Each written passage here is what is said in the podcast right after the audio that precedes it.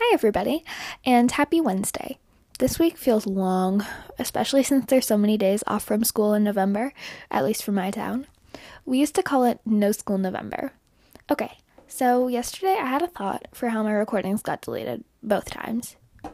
And I was right, it wasn't my parents. They know the password to my phone, means, and I guess they're involved with the ACEs, so motivation.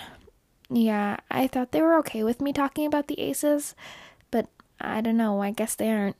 It's kind of awkward around the house now, especially when we played cards a few days ago. Anyways, I promised I'd tell you about what happened on the ninth hole after Friday's episode ended. I'll give you a refresher. I was taking a shortcut through the woods, and when I got back on the road, the golf cart path to the tee was blocked off with police tape, and I ducked under it.